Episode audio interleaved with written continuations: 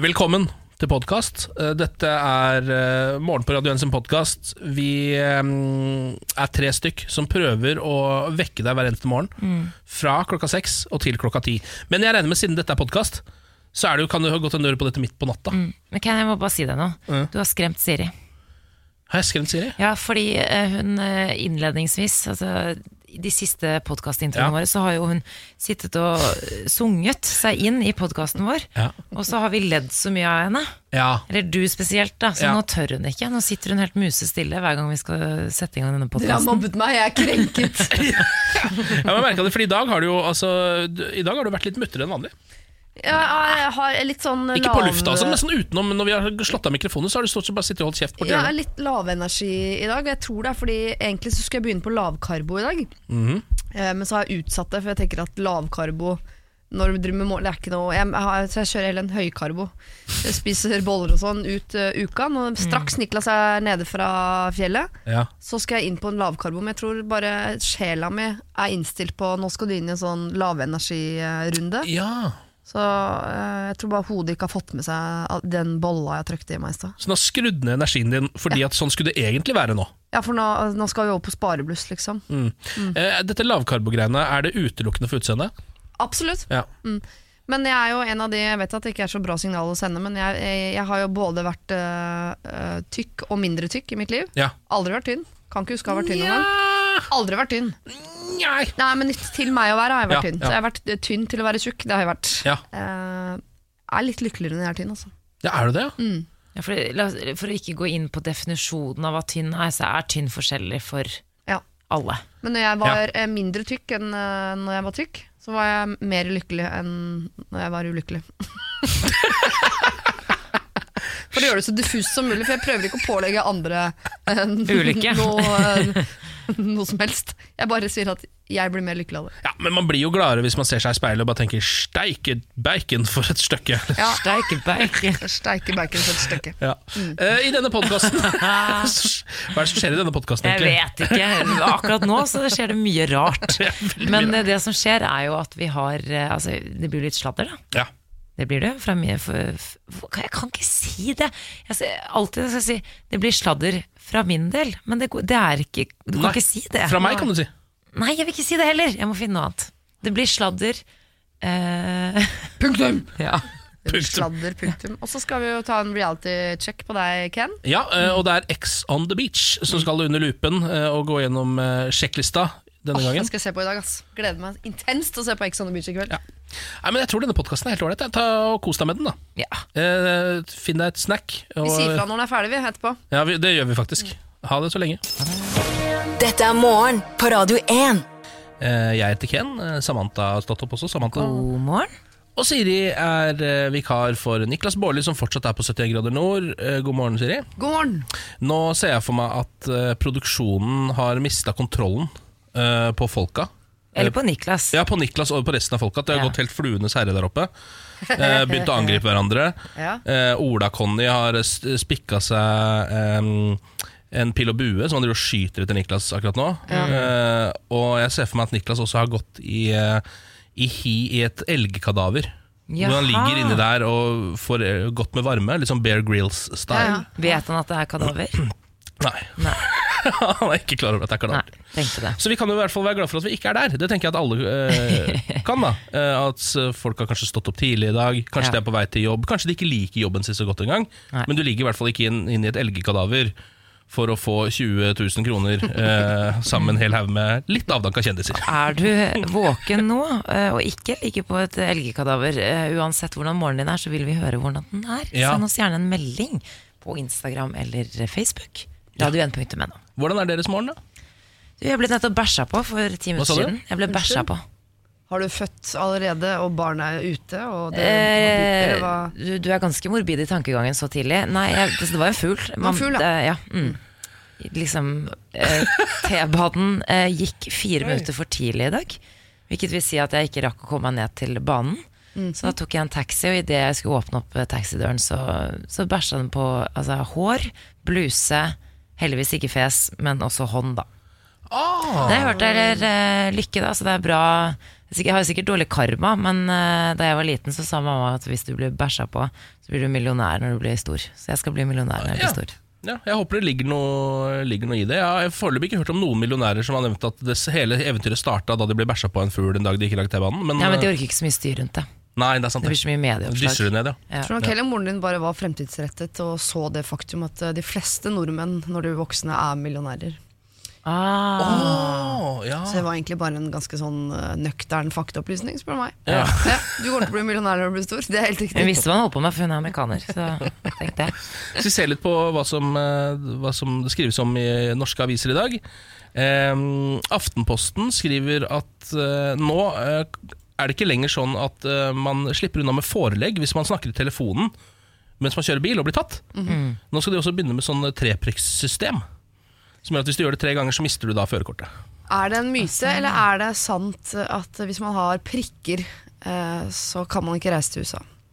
Ah, det, der, det må vi finne ut av, Fordi det, er det har jeg også hørt så mye om. Det er kanskje det forskjell sånn. på prikker på førerkort og, og rulleblad. Det er Ja, kanskje to det, forskjellige jeg tror det er Det prikker er på rulleblad. rulleblad, det er ikke ja. Ikke på er førerkortet. Jeg husker de alltid på, på 90-tallet, når eh, USA var det største og beste landet i hele verden, så var det sånn eh, pass på, ikke gjør noe dumt, for Ja. da kommer du ikke til USA. Ja, og det var jo en av de beste grunnene for å for eksempel ikke pisse på gata. Ja. Eller gjøre sånne Ja. bitte små ting som det. da Kanskje du skal Eh, begynne med prikker på rullebladet istedenfor prikker på førerkortet? Eh, Ja. For mobilbruk. Ja, Da hadde det hjulpet, tror jeg. Jeg har, uh, vi kan jo ta en titt på regionavisen. Jeg har Adresseavisen foran meg, og der er det et bilde av vår statsminister Erna Solberg som fikk teknoråd i Trondheim. Det var noe sånn teknologimesse, Ja. eller opplegg der oppe i går.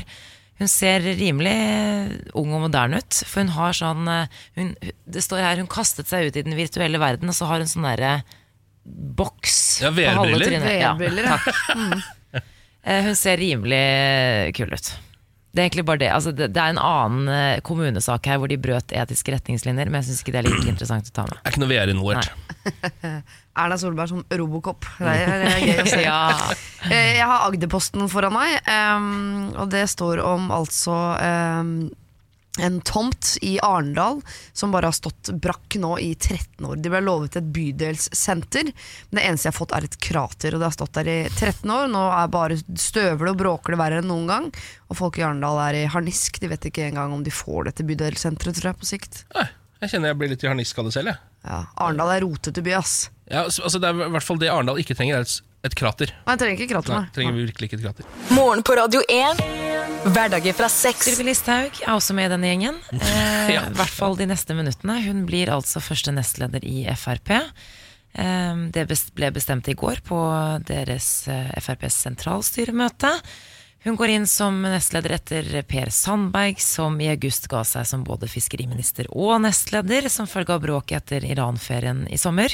Gikk ikke han også av som tenkende menneske? Jo, eh, han sa takk for seg på Anne Lindmo, eller på Lindmo Ja. i helgen nå. Ketil Solvik-Olsen han får fortsette som nestleder, han òg, til tross for at han eh, nå reiser til USA, hvor kona har fått jobb eh, som lege. Eh, og Solvik-Olsen han er veldig fornøyd med partiets nye ledertrio. eh, Og sier følgende at vi nå har den mest kvinnedominerte partiledelsen, viser at Frp har utviklet seg eh, mye og ser framover. Jeg føler liksom ikke til å utvikle deg hvis du må påpeke det. Nei, men nå skal det sies at akkurat der har jo Frp vært ganske gode. da Eller mye av Siv, da. Men eh, det er veldig mange av de liksom dominerende folka fra Frp er jo kvinner. Det er sant. Det liker vi å se. Eh, At Listhaug ble nestleder i går kom vel eh, som ingen Altså det var ingen stor overraskelse.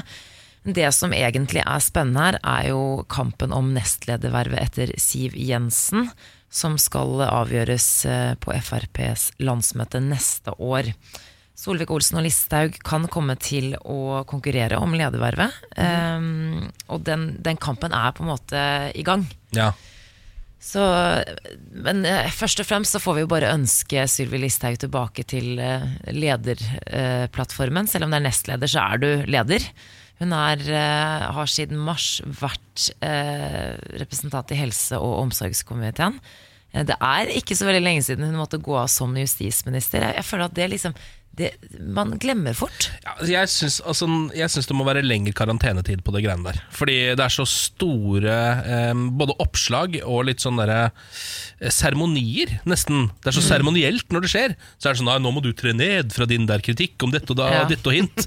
og så er det bare sånn, så går det en uke, så bare ja, har du fått en enda mektigere stilling. Ja. Tre opp, tre opp. Ja, det er litt sånn også, eh, Jeg tenkte litt på det i går da jeg hørte For det var, alt gikk veldig stille for seg. Det var ikke noe stor sånn mediehype rundt det her i går. Fordi de fleste visste jo at det var Sylvi Listhaug som skulle troppe opp og ta den ene, eh, det ene nestledervervet. Vi kan jo høre et lite lydklipp fra pressekonferansen i går. Jeg mener det er viktig at man er seg sjøl i politikken, og at ikke man spiller noen figurer som man eh, ikke er. Derfor kommer jeg til å være det. Ja, Det er samme reglene som gjelder for reality og Ja, politikk. nettopp. Husker dere hvorfor hun måtte gå av som justisminister? For hun var seg sjøl. Var det ikke en dag hun ikke var seg sjøl? Nei, å, nei, det var ikke det. Nei, hun var veldig seg sjøl den ene dagen hun skrev et Facebook-innlegg. Det var det. Var seg selv så Eh, innmari. og hun, der hun hevdet at Arbeiderpartiet satte terroristenes rettigheter foran nasjonens sikkerhet. Ja. Det ble em, stor ståhei, selvfølgelig, blant politikerne. Eh, heksejakt ifølge Sylvi Listhaug. Hun Mm. måtte gå av, but uh, she's back. She's back. She's back. Vi Og hun får skal være seg sjøl, og det er jo det mest eh, skumle. Altså, folk må slutte å være seg sjøl. Mm. Jeg syns det å være seg sjøl er forbeholdt holdt folk, eh, ordentlige folk. Vi er ikke, ja, men vi, vi er ikke meg selv her, for eksempel. Nei, nei. Nei, jeg synes Hvis ikke du kan oppføre deg ordentlig, så burde du heller prøve å være Kurt Nilsen eller et eller annet annet Mm. hyggelig menneske der ute. Og ikke være så opptatt av å være seg sjøl. Det er ikke en unnskyldning for å gå rundt og være rasshøl. Jeg ville ikke, ikke det. funnet på å være meg sjøl, for da hadde jeg fått sparken for eksempel, fra dette radioprogrammet. Ja, ja. Nei, du må ikke være deg sjøl, Ken. Nei, takk for det. Jeg, eh, jeg var hjemme i mitt eget hus i går. Det er jeg stort sett hver eneste dag. I alt fra 1 til 24 timer. Eh, og i går var jeg ute på verandaen. Det var jo sommertemperaturer. Eh, og utpå kvelden så kommer det tassende eh, to gigantiske grevlinger. Og det er ikke første gang eh, Jeg har sett grevling én gang i mitt liv, som barn. eh, Da på Bjølsen, altså Oslo sentrum nærmest, som eh, barn. Og syntes det var veldig veldig spennende å løpe etter den. Eh, Den forsvant inn bak en søppelkasse. Og så har det gått da, hva da, 30 år eller før jeg eh, for første gang så grevling igjen. eh, Tidligere sommer. Og det var de to, samme to grevlingene som jeg så i går. De har tydeligvis da tatt bolig i min hage. Eh, og så leser jeg på Wikipedia i dag at eh, grevling de eh, beveger seg i flokk opp mot 30 dyr. Og hannene de, kan, de er kjønnsmodne etter ett år, hundene er kjønnsmodne etter tre år. Eh, og de, eh, de kan få, hva var det, eh, fire til seks, to til seks unger i hvert kull. Og det kommer nå normalt sett i januar til mars. Det vil si at de to grevlingene jeg nå har i hagen, kan innen vi når mars være åtte. Ja, Ja, for det var et par, mest sannsynlig, Ja, ja, ja, jeg tror at de var kjærester. Og det som er at jeg har tenkt at grevling var sånn et stort pinnsvin, liksom. Litt større, altså ja. Er ikke like Større enn pinnsvin, men ikke så veldig mye større. De, altså, de er større enn bikkja mi. Ja. Nei. De er enorme.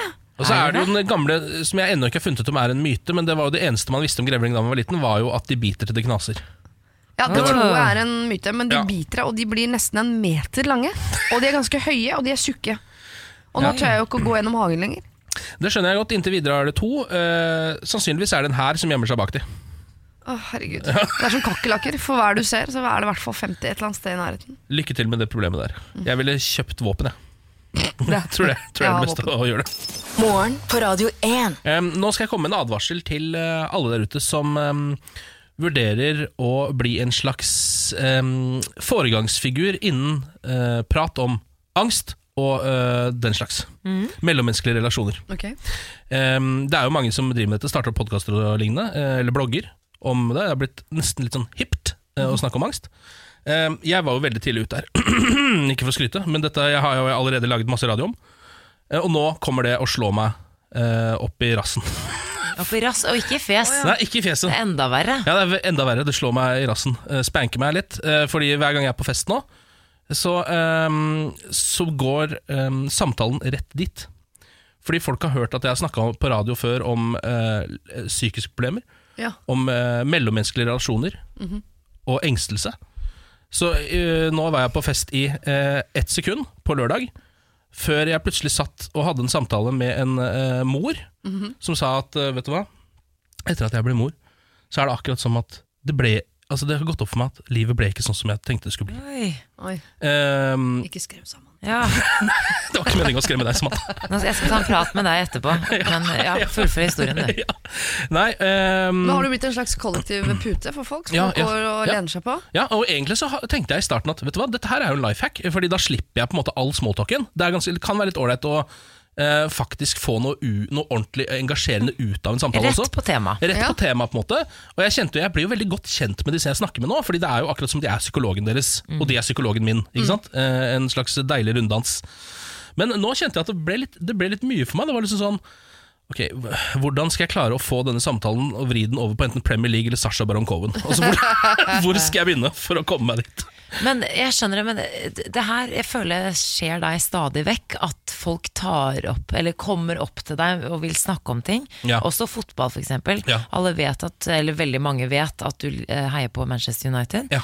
Og så blir du litt brydd, men jeg tenker du må huske på at den mikrofonen som vi har foran oss her nå, det har en liten sånn sender som går ut til en sånn apparat som gjør at veldig mange, hvem som helst, kan skru på og høre på deg. Ja, Det skal fram til folk sitter og hører på dette. Ja, og det er samme som Manchester United. Du blir sånn, åh, du, og så ikke bare det, men så er det sånn Å nei, når Foodora kommer på, og så, og så ser du at jeg har på meg fotballdrakt, og så bare Åh, jeg blir sliten når de vil snakke om meg. Manchester United. Ikke ha på deg drakten når du mø eller går ut blant folk, da. Du må huske på at du inviterer litt folk inn når du, når du deler. Og det er så fint at du deler. Ja. Men Jeg skjønner at det kan være slitsomt, men sånn er det å være radiokjendis. Eh, Men kan det kanskje i dette tilfellet være en slags altså jeg kan gjøre det samme altså sånn, eh, at jeg, Fordi jeg må jo slutte å gå med fotballdrakt, Fordi da blir det for mye snakk om fotball. Ja. Men kan jeg, kanskje jeg må trykke opp noen T-skjorter 'Vil ikke snakke om angst'? Er det å gå med de Du- på fest, eller er det Nei, men Kan du ikke heller lage deg noen sånne broer? da er Broer. Samtalebroer som er for eksempel sånn Visste du at uh, Sasha Baron Cohen Baron også har Cohen angst? også har eh, angst? Jeg så den siste filmen hans, nå. den var helt Ja, det er bra. Da er vi der. Ja, det, er, det er jo! Eller du kan ta for eksempel hvis, Hvem er spiss for Manchester United? Uh, ja, Lukaku heter han. Lukaku, ja. Visste du at Lukaku Mora hans hadde angst? Lukaku har jo ikke skåret han på fire kamper, det er faen meg helt drøyt. Det, der er faktisk, det, er også Det var faktisk veldig lurt. Lukaku har faktisk eh, litt aspergers, det er ikke kødd engang. Eh, Ja, så der ser du, da er du klarte det! ja, ser du. Men jeg synes, hvis du skulle lage de T-skjortene, jeg tror det, eh, ha det i bakhånd, Fordi Ja. jeg tror det kan bli sånn kul eh, kjendis-T-skjorte som tar av. Ja, det kan det faktisk! Jeg tror det. Ja, det kan det faktisk kan bli litt sånn hipp T-skjorte på Ja. Instagram og sånn. Lykke til. Ja, takk for det. Vet dere hvilket eh, land som er det mest populære turistmålet i verden? Oi, hele verden. Mest besøkte? Det er kjempevanskelig å si, men jeg har lyst til å gå for noe sånn uh, Jeg har lyst til å gå for noe Jeg har lyst til å si Egypt, jeg. Jeg skulle jeg skulle Har du det? Seriøst? Seriøst? Det tror jeg er feil. Det er Frankrike, da. Ja. Men det er fint at dere sier Egypt, fordi eh, eh, nå virker det som om eh, terrorfrykten har sluppet taket. Tunisia og Egypt har jo vært veldig populære turistmål. Eh, men de har slitt litt med turismen de siste årene fordi folk er redd for terror. Men nå har de sluppet taket, og det går utover da først og fremst Spania. For første gang på ni år så opplever Spania at tallet på turister går ned, og det skyldes da både priser, protester, og at terrorfrykten har sluppet taket i Tunisia og Egypt. ja, så folk drar heller til Tunisia og Egypt Ja, for der er det jo billigere, Mm. for eksempel. Ikke sant? Og pluss at der blir du ikke møtt med plakater som er eh, sånn Vi vil ikke ha turister her, dette er mitt nabolag, osv.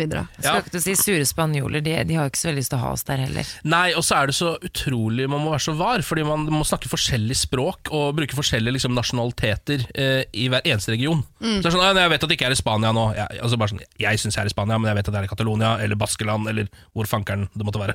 Men jeg skjønner at eh, spanjolene er Altså Jeg syns dette var en gladnyhet for Spania. For jeg kan forstå at Spania syns det er irriterende når du skal ned på din lokale strand, din lokale bar, din lokale eh, landhandleri, og så står det folk der, bleike folk i crocs og bar overkropp, og skal eh, og prøve å stotre fram på dårlig engelsk hva de skal ha for noe. Ja. Jeg skjønner at det, jeg, det hadde sugd livsgnisten ut av meg på mange Ja, måter. jeg så har hørt ja. Unnskyld, Nei, jeg, jeg, jeg syns det er en veldig god nyhet for Spania. I hvert fall fordi jeg vet at jeg skal dit til høstferien, så det er deilig at de får seg en liten pause nå. Hvor skal du? Eh, Tenerife Oh, ja. Ja. nice, Såpass, nice. ja. Jeg har hørt at de skal komme på et nytt ord for cerveza nå, for de er så drittlei av at vi har misbrukt det ordet. Seriøst? Ja, fordi det er det eneste spanske ordet nordmenn og briter kan. Men det de ikke vet, vi kommer til å lære oss det andre ordet òg, vi. Birra! Vi kommer til å lære oss det òg, det er jeg helt sikker på. Uff a meg, så fælt. Du, det, er, eh, det temaet jeg skal ta opp med dere nå, det er egentlig ganske alvorlig. Jeg vil ikke at det skal bli dårlig stemning, men eh, det er faktisk helt nødvendig at jeg tar opp, og det er eh, spoiler på serier. Det å spoile en slutt Ja. eller en detalj i serien som kan være viktig for handlingen. Har vi gjort det? Eh, muligens, ja. Det er faktisk et problem innad i redaksjonen. Det er ikke meningen å være en intern her, men jeg syns man skal ta det ut til folket. For det, man har jo, alle har jo kanskje en venn i gjengen som bare har så, klarer ikke å holde seg. Eh, det begynte med eh, Niklas Baarli, selvfølgelig. Ja. Mm. forventet det litt fra han, men ikke fra dere. Eh, han eh, spoilet da altså en karakters død i en av våre favorittserier. Skal ikke si hvilken, så i tilfelle det er spoiler. Eh, jeg ble helt sjokkert og faktisk litt lei meg, for jeg hadde brukt så mye tid på den serien. Sa han det bare rett ut, eller kom det litt sånn uten at han helt visste at han spoila noe? Nei, han, han mente det var ikke meningen. Nei, nei, så ja. ond er han ikke. Nei, nei. Men uansett, så jeg fikk jo et sjokk, og så fikk han jo veldig dårlig samvittighet, men så var han sånn Ah, men du er så treig!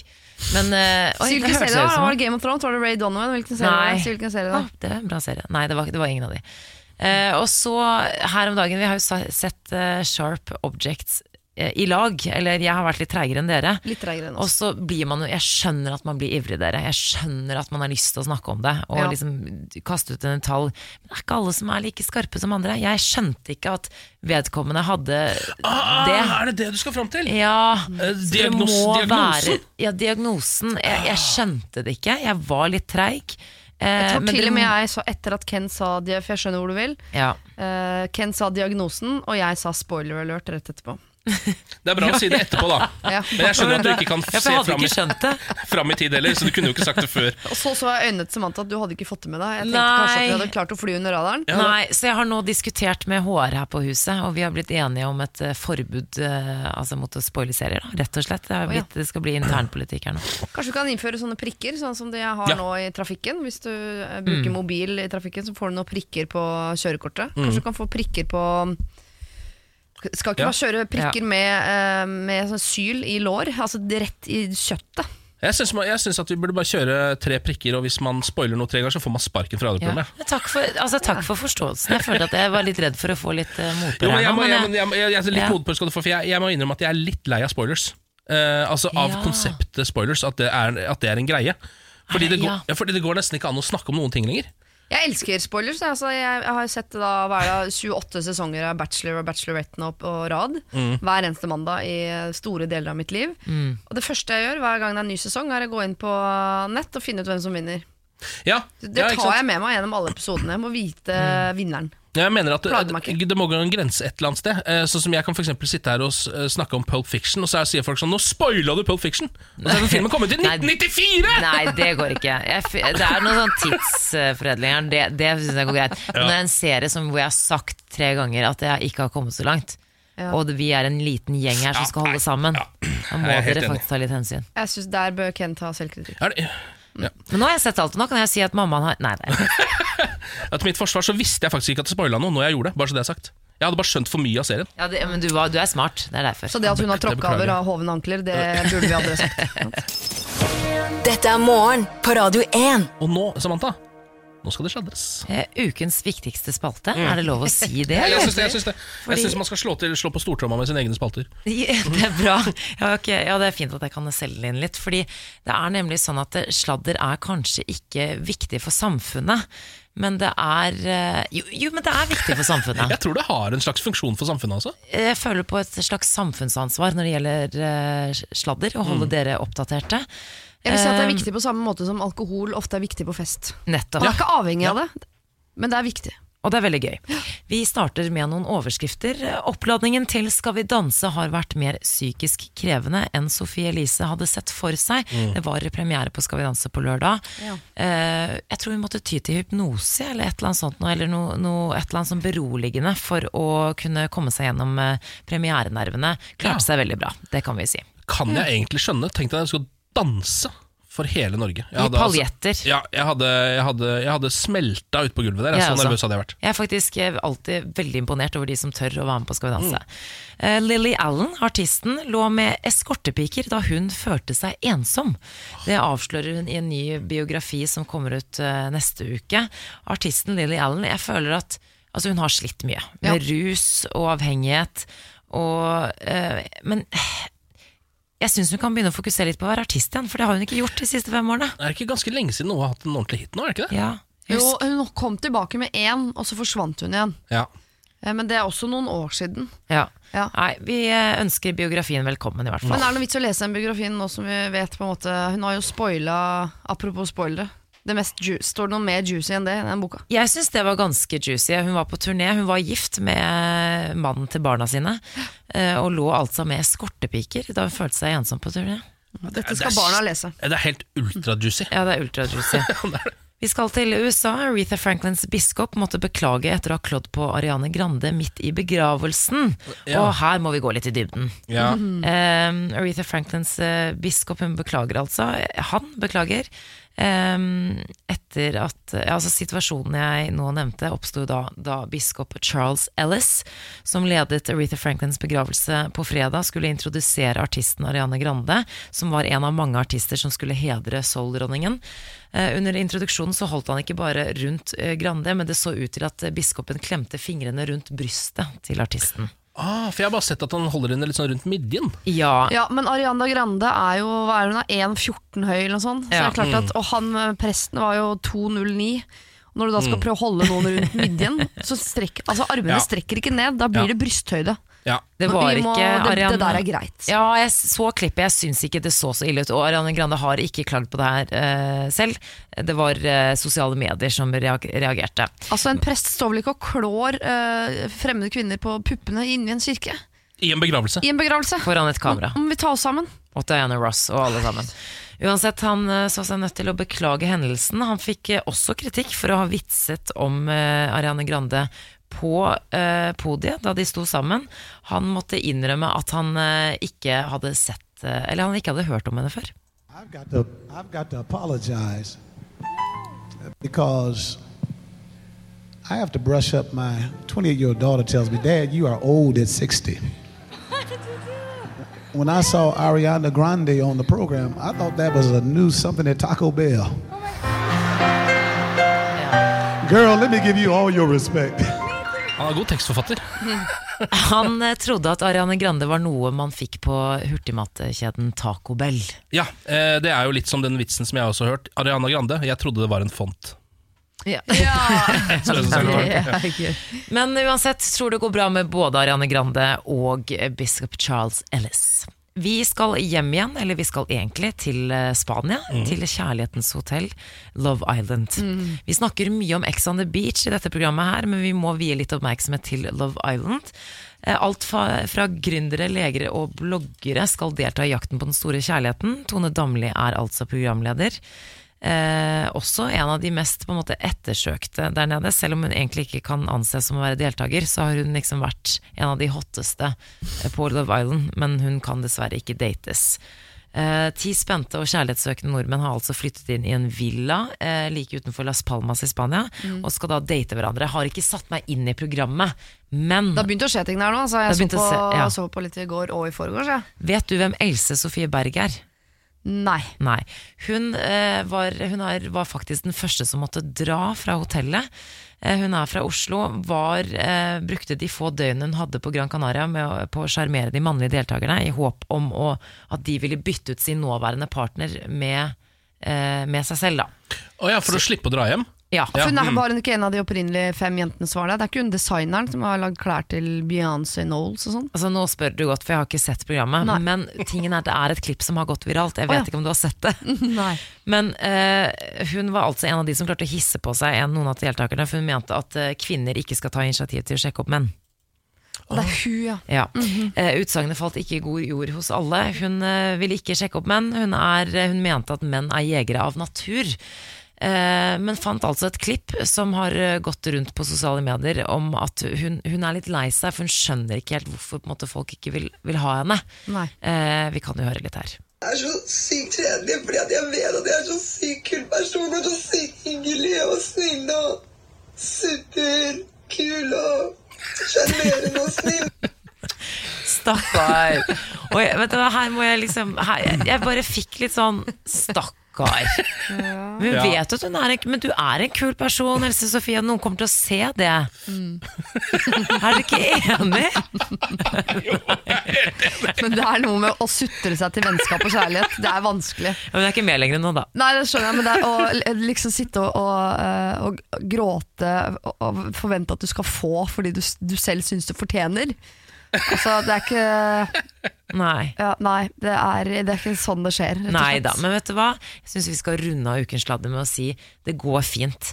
Og du kommer til å finne en person som ser at du er superkul. Kommer til å finne kjærligheten, ja. Ja, ja, ja, ja, Ja, ja, ja, ja. ja. Nesten alle gjør det. nesten alle gjør det Dette er morgen på Radio 1. eh, Nå har jeg funnet en sak som Dagbladet har skrevet her. Satt, åt, nei, satt 17 år bak lås og slå, så fant politiet dobbeltgjengeren.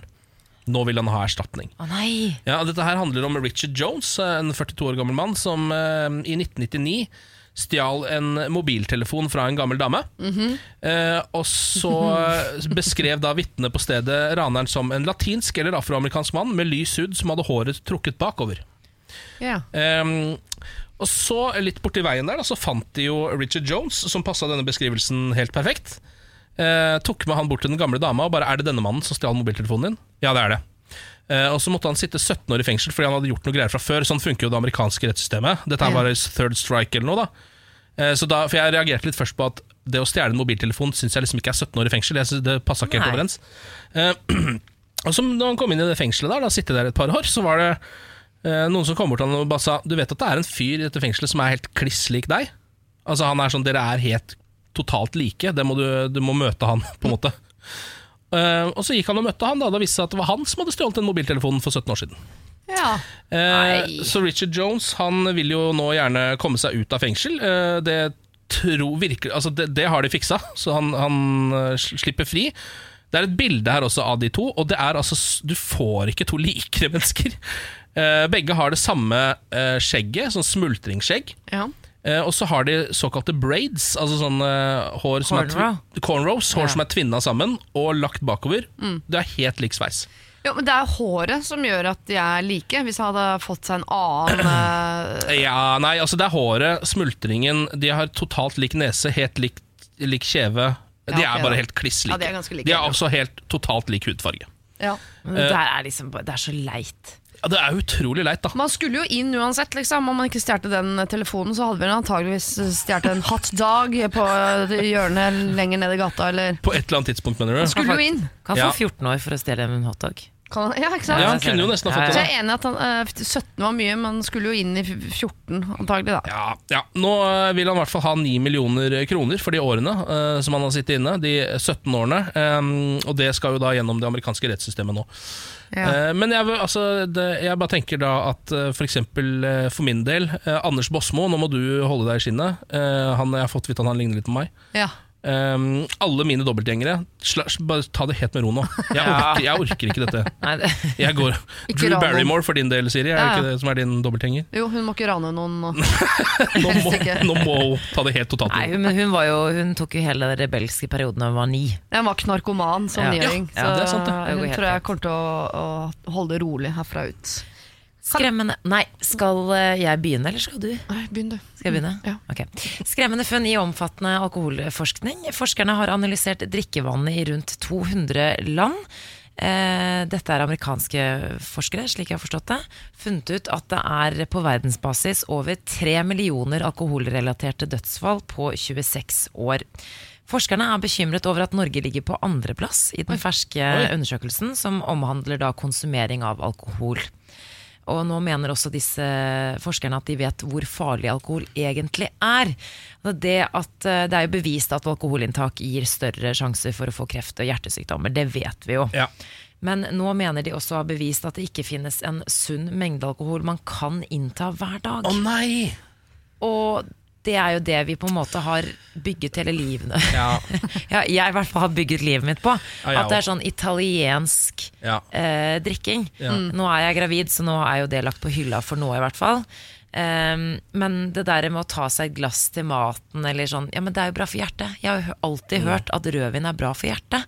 Så lenge du ikke på en måte konsumerer en kartong om dagen. Ja, jeg må innrømme at jeg har hele tiden ant at det der var feil. Eh, Men jeg har sittet helt stille i båten. eh, tenkt at jeg, jeg, skal, jeg skal ikke være han som åpner kjeften om dette.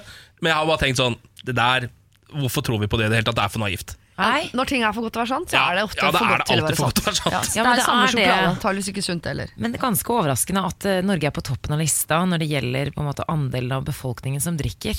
Ja. For det er ganske høy prosent, det er ganske mange i Norge som drikker. Jeg var helt sikker på at i hvert fall Polen var foran oss, og i hvert fall Mm. Finland, da. eh, ja, og Danmark. Russland, da. Ja. Men det har, det har litt med, vi har litt sånn ulikt drikkemønster. Det kan være at de, de på en måte konsumerer eh, mer per Altså det her er det jo på en måte statistikk og, og, og tall som må tas hensyn til, men eh, vi er veldig gode på helgefyll. Ja, det Eh, og er vi vi. er veldig gode på det eh, på helgefyll som fører til ulykker og død og sånne type ting. Der er, det er der vi er best, da. Ja, det er der vi er best, da. Da velger jeg å lese statistikken annerledes, at vi drikker for lite i uka. Sånn at vi er for eh, lite rutinerte når helga Ja. kommer. Det er det, ikke sant? Altså, det er jo, vi tryner på isen hver eneste gang, for vi går ikke nok på skøyter. Nettopp. Ja. Var- Sånn velger jeg å tolke statistikken. Ja. Jeg skyndte meg å ta en uh, nyhetssak fra VG før dere gjør det, for dette er klassisk nyhetssak man har lyst til å snakke om. Altså Man grabber og forteller. Bakterie angrep penis. Man får millionerstatning. Den, dette er en nyhetssak du har sett, eh, Ken. Det er jeg helt sikker på. Det er en britisk mann som nå får, flere hundre tusen britiske pund i erstatning etter at en kjøttetende bakterie førte til at han nå har mistet store deler av sin penis. Nei, Altså, ikke penis, da. Jo, penis. Også litt deler av magen hans, som jeg tror mesteparten av de der millionene med pund han får, er nok for penisen. For å miste litt mage, hvem vil vel ikke det? Men han var inne for, uh, for å fjerne prostataen. Det var en eh, vanlig operasjon.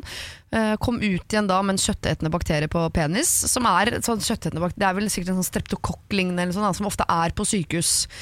Og eh, Han hadde sluppet det hvis bare sykehuset hadde gjort som de skal, nemlig skannet han etterpå for å sjekke liksom, har du noen bakterier. Ja. Så tror jeg det, var, det er en enkel sak å fjerne de, men tar du dem med deg hjem og legger deg i ditt naturlige habitat, så de kjøttetende bakteriene virkelig får liksom angrepet buffeen, som jeg pleier å kalle penis. jeg har aldri gjort før, men jeg skal begynne nå. Eh, så går det jo gærent, da. Så da, da mistet han store deler av penis. Og, uh, men heldigvis, han er gift fra før, de har vært sammen i 18 år. Jeg håper ikke hun går fra han nå pga. dette. For nå har hun en litt mindre penis, men veldig veldig mye mer penger. Og jeg, jeg må bare si at hvis min lokfører, om nå har vi vært sammen i 11, hvis han om syv år får litt mindre penis, men en mye større bankkonto, så vil det er å foretrekke, faktisk. ja. Personlig referanse jeg ikke vil kommentere. Altså Jeg vet ikke hvordan jeg skal kommentere det. Nei, det sier jo nesten ingenting om bankkontoen hans eller penisen. Det sier noe bra, om en av dem, men det er vanskelig å vite hvem. Ja, jeg kan gi én million per tredje centimeter på penis. Altså, hvis Hver jeg får, tredje hvis jeg, centimeter? Jeg kan, ja, hvert tredje. Og jeg kan tredje- miste tre, så får jeg én million, og så så kan fortsette sånn. Da syns jeg det er verdt det. Ja, Ja. synes jeg kan være sånn mal. Det kan være en tommelfingerregel, Ja. da. Morgen på Radio 1.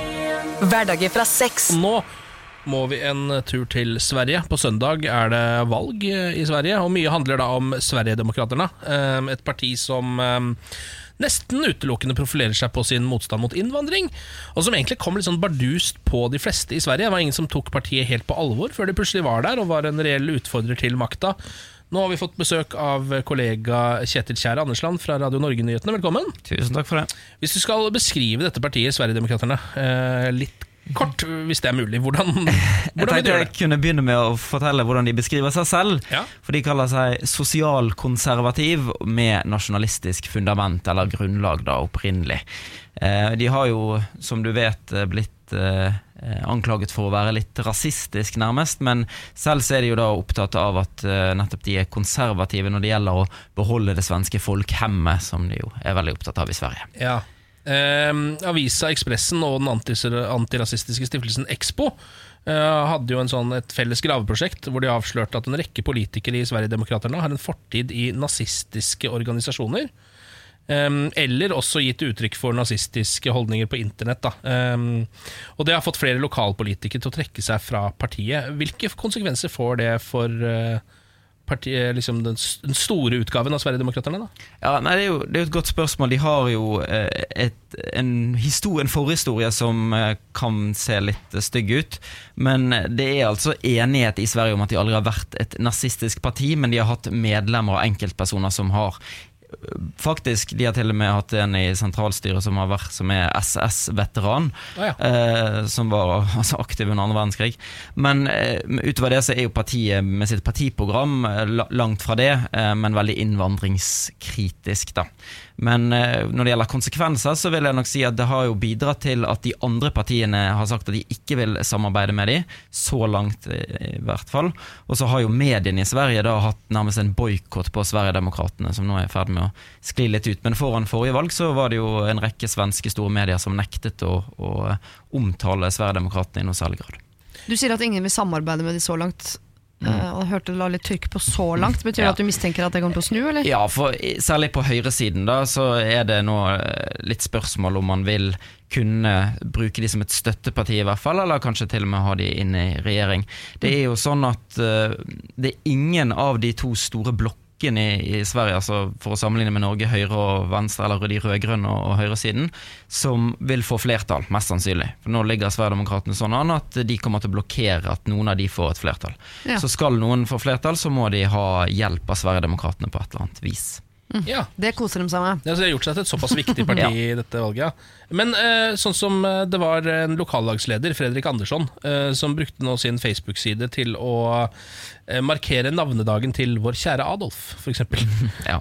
Hva, altså de, hvor representative er de holdningene for liksom selve partiet Sverigedemokraterna? Nei, det, det, er ikke spesielt representativt. I hvert fall ikke for det som står i partiprogrammet og det de sier. Altså Det som Jimmy Åkesson, som er partileder, sier ut av det han jo understreker jo veldig at de ikke rasistisk, ikke nazistisk, og de eh, tar jo avstand både fra fascisme og nazisme, men det er klart at eh, et sånt parti tiltrekker seg nok kanskje mer da noen som, som har mer ekstreme holdninger, mer enn at det er partiet som helhet sin, eh, sin holdning og meninger. de har hatt en ganske klar kampanje for å prøve å renske det ut av partiet sentralt. Ja, ja. eh, de, de har jo uttalt veldig tydelig at dette ikke er noe de ønsker, og de personene blir jo nå fjernet eh, fortløpende, de som, som gjør den type ting.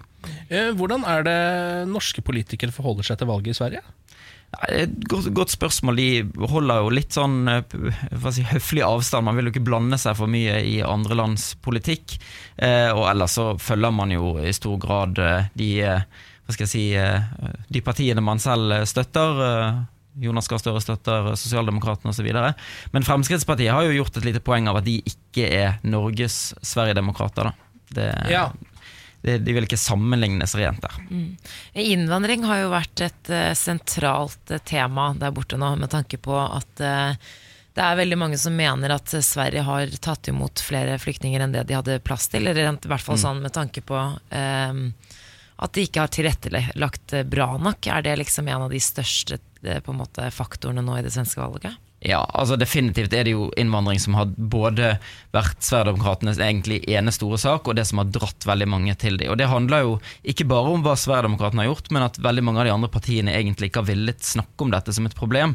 Sverige har jo hatt eh, nesten frislipp på innvandring. De har hatt en ekstrem innvandring, altså 100 000 innvandrere på kort tid. Eh, og, og det er jo som du sier også et stort problem hvordan de har håndtert det. De har i mye større grad enn i Norge blitt plassert på, i, eh, altså på, på små steder, på små områder har det bare blitt plassert innvandrere, og det gjør jo at man har fått eh, nærmest sånne gettotilstander. Og, eh, og der, eh, der er det klart at der har Sverigedemokraterna grepet det at eh, de er de eneste som egentlig snakker om dette som en utfordring. Jeg lurer på om det, Vi har jo snakket om det litt tidligere denne uken, det her med sånn Trump-effekt.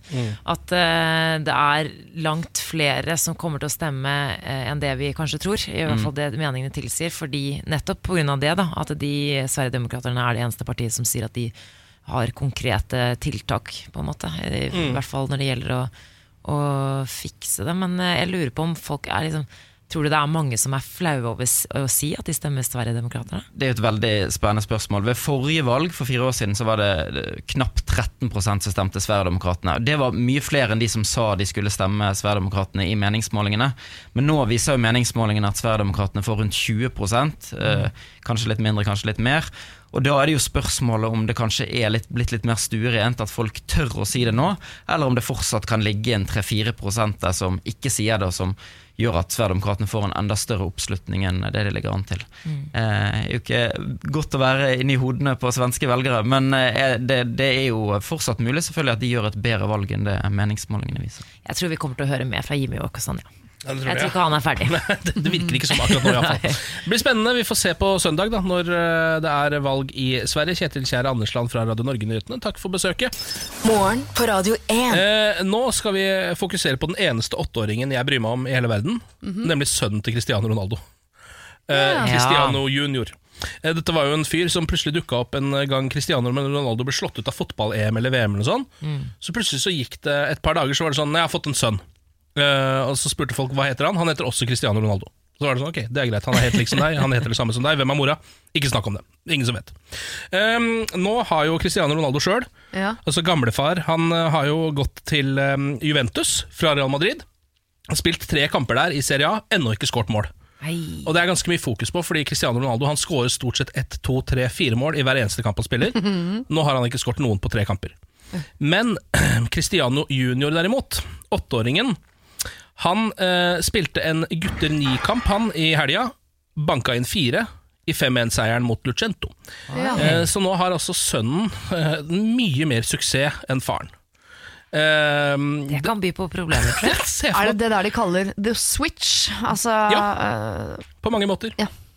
Når sønn går forbi for Vanligvis brukes det jo om når eh, pungen blir lengre enn penis. Ja, det er riktig. Men det brukes jo også i andre sammenhenger. Ja, når f.eks. sønn går forbi far i eh, skills. Ja, eh, og jeg har jo sett klipp av denne mannen som Cristiano Ronaldo selv har lagt ut på sin Instagram. Eh, Nå er det lenge siden han har lagt ut noe, for jeg tror kanskje han begynner å bli litt misunnelig. Eh, men han la ut en del klipp av sin sønn eh, tidligere, og det er komisk hvor likt det er. Altså, han, er, han har det samme nummeret og sjueren på ryggen. Eh, han har akkurat samme skuddteknikk. Han scorer på de samme frisparkene og gjør akkurat det samme, bare at han er åtte år istedenfor 34. Eller Herregud. Er. Men jeg tror dette var planen, fordi Cristiano Ronaldo har Nå har han jo tre barn. Ja, noe sånt, ja. Eh, Jeg tror han faktisk har tre barn. Altså, Jeg tror han har fem eller sånn. ja, han har, han har mange barn. Han fikk i hvert fall nylig barn med den nyeste kjæresten nå. Ja. Men uansett, jeg tror dette er en pl plan. Han skal starte en fotballskole, og, Ja. men alle skal ha hans gener. Ja. For det er det eneste som er bra nok. Jeg tror hans drøm er jo å ha et lag med elleve spillere hvor alle heter Cristiano Ronaldo. Eh, Ja. Og han begynner å nærme seg. Men jeg tror også, i og med at han ikke vil opplyse hvem som er moren da, til denne Cristiano Ronaldo, så tror jeg det er fordi det er ikke noe mor. Han har klonet seg selv. Han er det første mennesket som har eh, laget barn Ja. på laboratorium. Du skal ikke se bort ifra det. Dette er sauen har Dolly, liksom. vel innrømmet at det var surrogatmor den første. Ja, ja jeg Det tror tror det var surrogatmor. Man vet ikke hvem det var, men det var, var nok en surrogatmor. Ja. Jeg tror han blander surrogatmor med reagensrøret. Men eh, Det er samme for han, det tror er jeg. samme for han. Dere, vi bulker oftere enn før før, det kan Dagbladet melde. Og grunnen til det er at eh, parkeringsplasser har jo en viss sånn eh, bredde de må ha. Eh, og den har vært konstant nå i mange mange år, mens bilene som blir produsert, blir bare breiere og breiere. Altså Vi vil ha breiere biler, lengre biler, større bil, mer bil. Vi vil ha mer enn bil. Men vi oppdaterer ikke parkeringsplassene. Vi oppdaterer ikke parkeringsplassene, så vil si at når du lager parkeringshus eksempel, så, uh, så regner man jo på hvor mange parkeringsplasser du får klemt inn i det parkeringshuset, fordi du på, ned på millimeteren prøver å ha så trange plasser som mulig. Så det bulkes uhorvelig mye. Eh, Og jeg måtte hjelpe en italiensk familie ut av eh, et parkeringshus her i Oslo sentrum i går etter jobb. eh, Fordi de kom med en bobil og skulle parkere inn i et bitte lite parkeringshus hvor det står på veggen med store bokstaver, norske bokstaver riktignok, at her kan du ikke parkere hvis bilen din er mer enn eh, 2,30 lang eller noe sånt. Vil du også si at ren logikk ut ifra å bruke øynene hadde kunnet tilsi det samme? Eller? Ja, men det var eh, sju Det ramla ut sju sånn middelaldrende italienere, liksom. Som Ja. var som eh, Det var hodeløse kyllinger hele gjengen. Så var så Så lurte på om de kunne parkere der. Hvor jeg på min stotrete engelsk måtte forklare at nei, det tror jeg faktisk ikke dere kan. Sju italienere inn igjen i bobil, måtte kjøre videre i dette bitte lille parkeringshuset. Men eh, dere har jo ikke lappen, Nei. noen av dere. Nei. Eh, Ser dere for dere at dere er, er gode parkerere? Absolutt ikke. Jeg gjorde det på lørdag. Jeg driver og øvelseskjører hele tiden. Og så hver gang vi kjører i byen, eh, kjæresten min og jeg, så er det jeg som kjører nå. For, Ja. for å øve meg litt på det. Jeg, jeg, er ikke så, jeg er god på å parkere hvis jeg kan bare kjøre rett inn. Mm. Eh, Hvis det er Å ja, du er god på lukeparkering, da må jeg bilen. Ja. Ja, nettopp. Ja. Innenfor linjer, da. Men lukeparkering, ah, jeg syns det er litt dritt. Ja, men nå Ja. får man jo nye biler nå, er jo med sånn parkeringsassistent, hvor du bare trykker på en knapp, og så parkerer bilen av seg sjøl. Ja, ja, men Er det ikke bare sånn at den viser hvor du på en måte skal kjøre? da? Nei, den parkerer av seg sjøl. Du kan slippe rattet. Mener du det? Åh. Altså det har blitt autopilot på, på lukeparkeringa? Autopilot på lukeparkeringa. Mm, du må bare det. kjøre forbi luka som den får målt, og så trykker du på Knock yourself out-knappen, som den antageligvis heter. så parkerer bilen av seg sjøl. Ah, det, det, nå må vi få slappen, Ken. Ja, faktisk. Nå, nå vil jeg også ha lappen, plutselig. Ja. Vil innføre bompenger i Geiranger. Eh, nå, nå skjer det, for nå har det vært eh, nok turister eh, i Geiranger. 16 000 turister på én dag eh, oppstår i høysesongen. Ja. Mange mener nå at det er for eh, mange turister i, eh, i dette området, og ikke minst forsøplingen. Det er jo ikke alle som er like flinke til å eh, rydde opp etter seg. Ikke Ja, og alle cruiseskipene skal- lager jo også jæskla mye forurensning. Det er nettopp det det er. Eh, Så nå skal de ha et slags sånn bompengesystem. Ja. Eh, der eh, gjesten som oppholder seg over lengre tid, må betale eh, ja, betale en sum, rett og slett. Og de som er på eh, gjennomreise, de må betale mest. Altså de som, er, de som er der for å på en måte bo der og være der en stund, Ja. de betaler en litt mindre sum. De som er på gjennomreise, de må betale en høyere sum, faktisk. Ja. Eh, Men er det ikke sånn allerede? For jeg, jeg leste overskriften og gikk ut fra at det var cruisebåtene som måtte betale bompenger for å komme Ja. inn i fjorden, men de betaler vel en eller annen avgift for å få lov til å Det er jo ikke internasjonalt farvann, altså de må jo betale Betaler ingenting. Hva?! Altså, Ja, Jeg tror ikke, jeg tror ikke de betaler. Hvorfor betaler de ingenting? Det er jo grusomt. Kommer inn altså, en, eh, en flytende klump full av rike mennesker, og så betaler de ikke noen ting for å helle bensin ut i fjorden vår. Cruiseskipene har vel kanskje gjort det, men nå skal det jo på en måte bli litt mer felles. Altså for den enkelte eh, reisende, eller om det blir inkludert i en pris, eller det vet jeg ikke helt. Men det blir en slags bompengegreie. Altså det er sikkert hva enn du reiser med. Jeg vet ikke. Så skal legge Bilbåt. alle bompenger der, ja. Fjerne alle bompenger på veier i landet vårt, og bare skru opp cruisebåtbompengene helt sånn vilt mye. Og jeg syns i hvert fall ikke at de som på en måte bor der skal betale noe. Da tenker jeg sånn, da må bare, Dette må turistene ta. Ja, ja, selvfølgelig. Og så tenker jeg sånn, det her kan jo være en bra løsning på masseturismen. Lofoten også. Det var jo snakk om at i sommer at det ikke engang på en måte ambulansene klarte å komme seg frem til steder. Fordi det var så stappfullt i byen at det ikke gikk an å bruke veiene engang. Da er det for ille. Folk burde gjøre mer som meg, holde seg hjemme. det er der, det er I der du Oslo? hører hjemme. Ja. Eller det er bare der du bor. Moss? Bare bli der. Nei, Jeg regner ikke med at Spania sender sin sympati til oss, i hvert fall. Nei, det tror ikke All jeg. den tid de har vel ganske mye mer turister Ja, enn de det vi har. gøtter seg over den nyheten her. Morgen på Radio 1. Berit Svendsen slutter i eh, Telenor. Ny sjef for Norge-virksomheten blir Petter Børre Furberg. Ja. Det er toppsakene på, eh, på internett Mm. akkurat nå. Eh, det skjer at det har blåst opp til storm i Telenor. Eh, det her, den saken her har vart lenge. Jeg har sett den eh, på så mange nettaviser uten å klikke så mye på den. Ja. Har rulla godt siden 2015, tror jeg. Ja. Den har nettopp det. Og for å ikke ta hele historikken, så kan jeg i hvert fall fortelle det som har skjedd nå i det siste. Det har jo vært en slags maktkamp mellom Telenor-sjef Sigve Brekke og Berit Svendsen. To eh, sjefer i Telenor. Der han skal ha forsøkt å få henne ut av jobben som sjef for Telenor eh, i Skandinavia. Ehm, Da Sigve Brekke ble eh, konsernsjef for Telenor Group i 2015, skal han umiddelbart ha forsøkt å få daværende Telenor Norge-sjef Berit Svendsen sendt til Øst-Europa. Så Oi. dette har vært en pågående kamp siden 2015. Altså hva, eh, hva han syns om henne og omvendt, det vet jeg ikke. Det er litt sånn som i Game of Thrones når du bare blir sendt til The Wall. Altså det er sånn, Du blir sendt til Øst-Europa. Det, er ikke- det er ikke det diggeste. Han eh, har eh, visstnok tilbudt henne flere stillinger innen Telenor Asias operasjoner. Eh, Ja. Også innenfor eh, altså i Øst-Europa. Eh, men hun har så langt ikke takket ja til noen av tilbudene. Eh, Sigve Brekke sier jo selvfølgelig at det ikke stemmer at han prøver å få henne vekk. Men eh, kilder eh, sier eh, noe annet. Hun ville vel i utgangspunktet ha den jobben han fikk.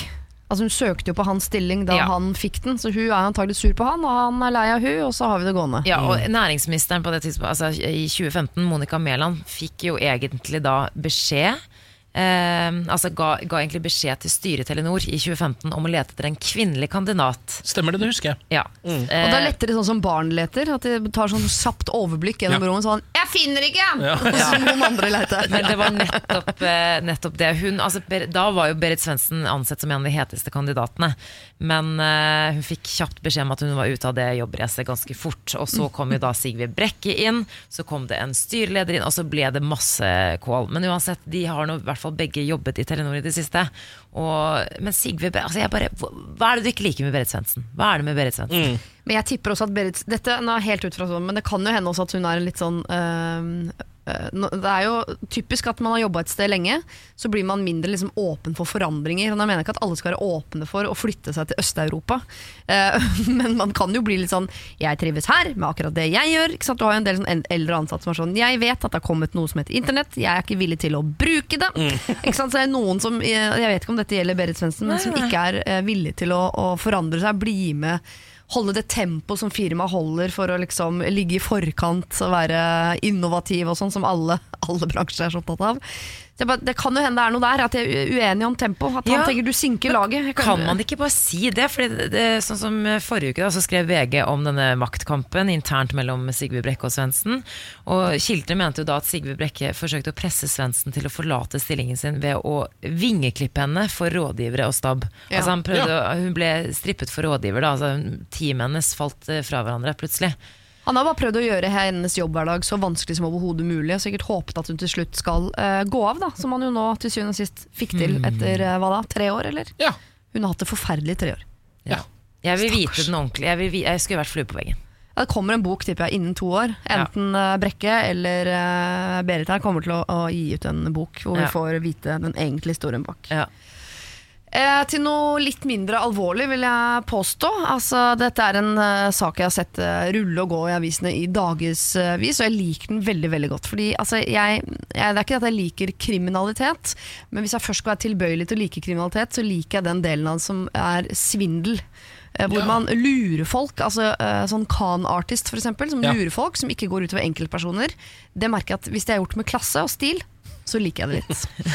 Eh, det er eh, Fotoboksen fyller 30 år i år, og da er det tatt fram noen eksempler på folk som har lagd egne fotobokser for å få ned eh, hurtigheten i trafikken i sitt nærmiljø. Og sånn er det jo hvis du bor på et sted hvor du tenker sånn her er det veldig fint, jeg har en datter som går til skolen hver dag, folk kjører for fort her. Ja, sånn, Da er som det en slags fugleskremsel, så setter de da opp en fotoboks. Ja, for noen murer jo sin egen fartsdump osv. Det blir ofte fjerna av, eh, av eh, Vegvesenet eller et eller annet.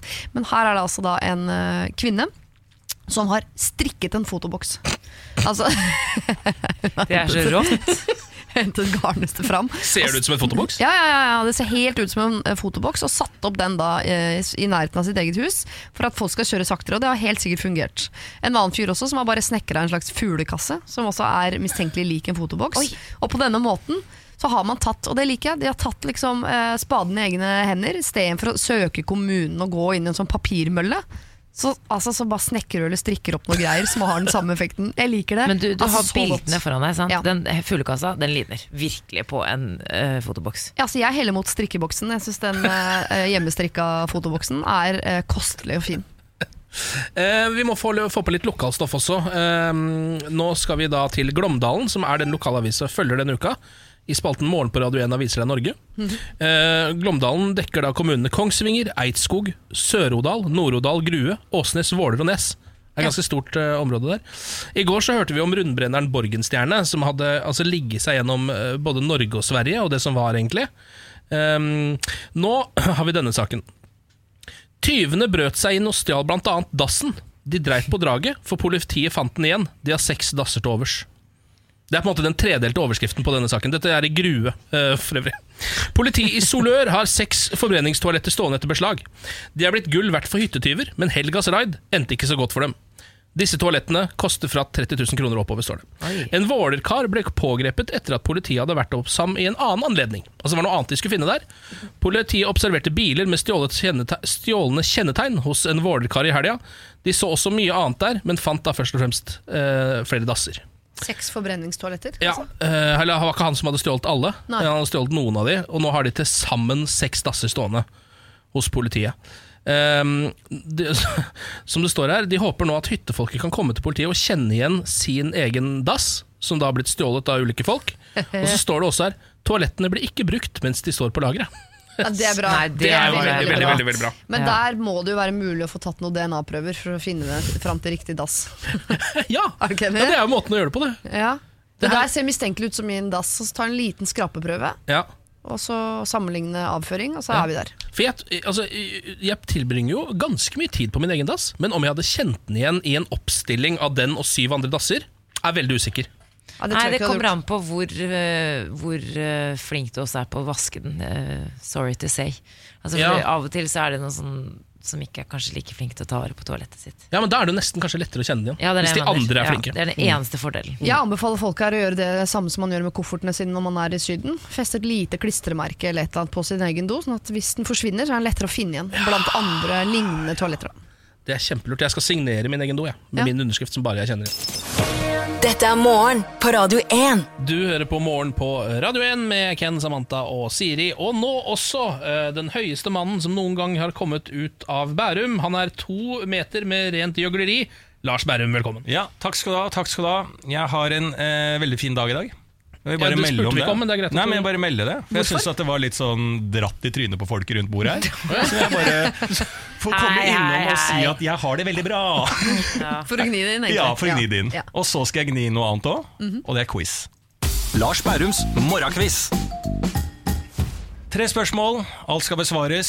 Jeg pleier å si riktig, men etter å ha quiza lenge nok med dere, så vil jeg gå ned og si forsøke å svare riktig på alle tre spørsmålene. Alle svarene får dere helt til slutt. Vi må ha dette fantastiske quizlagnavnet på gruppa for at vi i det hele tatt skal kunne ha en quiz. Og hva er dagens lagnavn?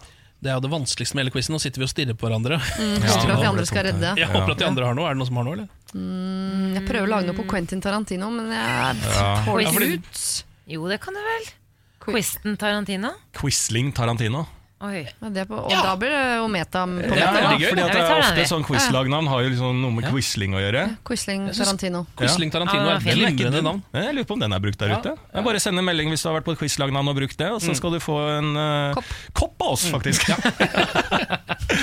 Yes. Er det så, ja, men er det så, kan jeg dele ut premier så lett? Det må Ja, du si ja, ja. ifra til meg. Da står det Quisling på Ja. koppen. Da. Og hvis du svarer feil, skal du også få en kopp. Ja. Ja, nå må Ja. du roe deg litt ned. 200 første som sender Nei. Nei, okay, ok, greit. Nå må jeg roe ned. Jeg skal bare sjekke hvor langt jeg kan tøye strikken. Sånn har livet mitt alltid vært. Da går vi på spørsmål nummer én. Dette er litt vanskelig. Hvem var den første James Bond-piken? Og jeg snakker om den første norske James Bond-piken. Oi, oi, oi. Og jeg sier første. Ja, er ikke det utrolig? Var det var mange. flere?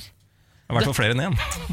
Dette tror jeg at jeg eh, ja, Hva faen het hun? da? Oi, oi, oi. Jeg tror hun het Julie eller Julie til fornavn.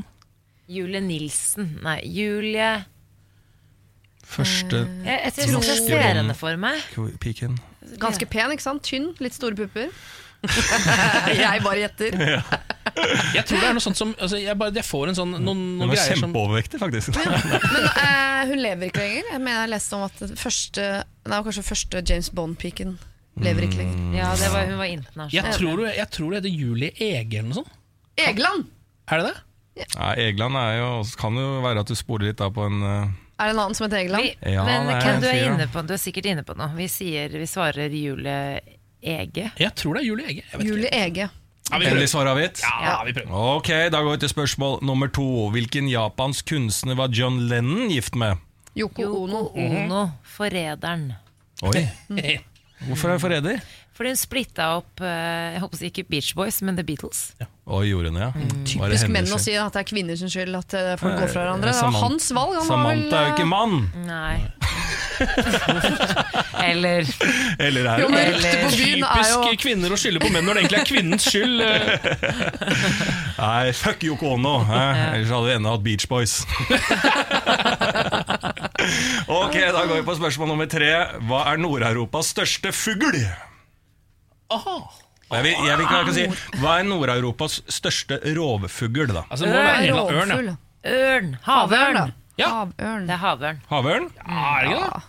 Nord-Europas største rovfugl er havørn. Jeg kan ikke, kommer jeg ikke på noe større her og nå. Altså.